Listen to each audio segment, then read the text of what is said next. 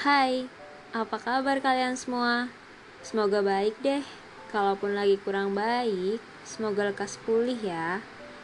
Hmm, kira-kira episode kali ini bahas apa ya?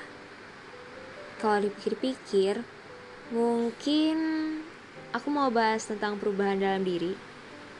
Kalian pasti tahu kan, gimana waktu sering mengubah sesuatu. Bahkan, mungkin mengubah banyak hal yang tadinya kehidupan terasa pahit, tiba-tiba menjadi sebaliknya. Dan begitu pula ketika rasa senang melimpahi kita, tak lama setelahnya malah dipertemukan lagi sama kesedihan. Lucu ya, perputaran waktu suka main-main, tapi di sisi lain, rasa sakit dan pelajaran yang didapat nggak ada unsur main-mainnya sama sekali. Ngomong-ngomong, sekarang kalian lagi di fase apa?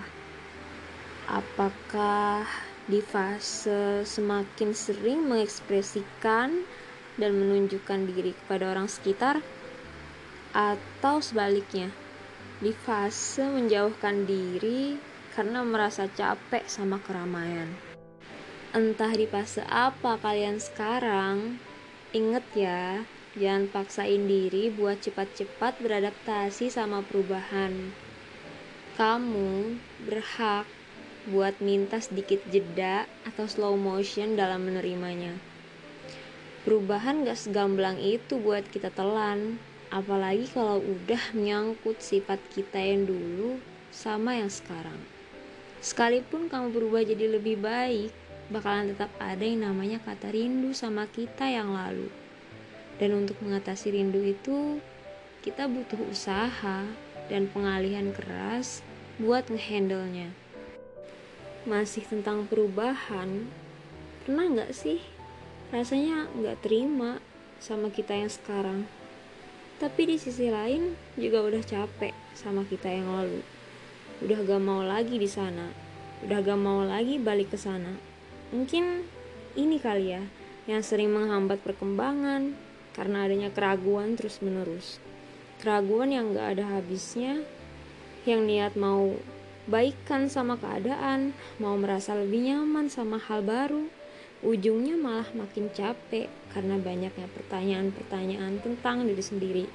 Pertanyaan yang seharusnya nggak perlu buat dipikirin, nggak perlu buat kita pikirin habis-habisan karena banyak keluhan sama yang lagi dijalani akhirnya mau simple malah jadi berantakan.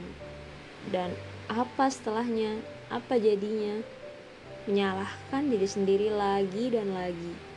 Bahkan kadang ketemu sama fase merasa nggak layak sama semua yang dimiliki. Serius deh itu semua benar-benar bikin sesak dan malah memperparah keadaan. Tapi inget ya, kita masih berhak kok buat ngerasain kasih sayang orang sekitar dan kesenangan lainnya. Kita masih berhak. Entah pikiran mau ngatain seburuk apa pun tentang diri sendiri, kamu nggak di blacklist kok dari rasa senang, dari hal-hal sederhana yang tanpa disadari benar-benar ngasih kesenangan yang gak main-main. Ya walaupun masih belum sampai sama kata bahagia seenggaknya kamu merasa dihargai sama semesta karena masih punya kesempatan buat menikmati itu semua.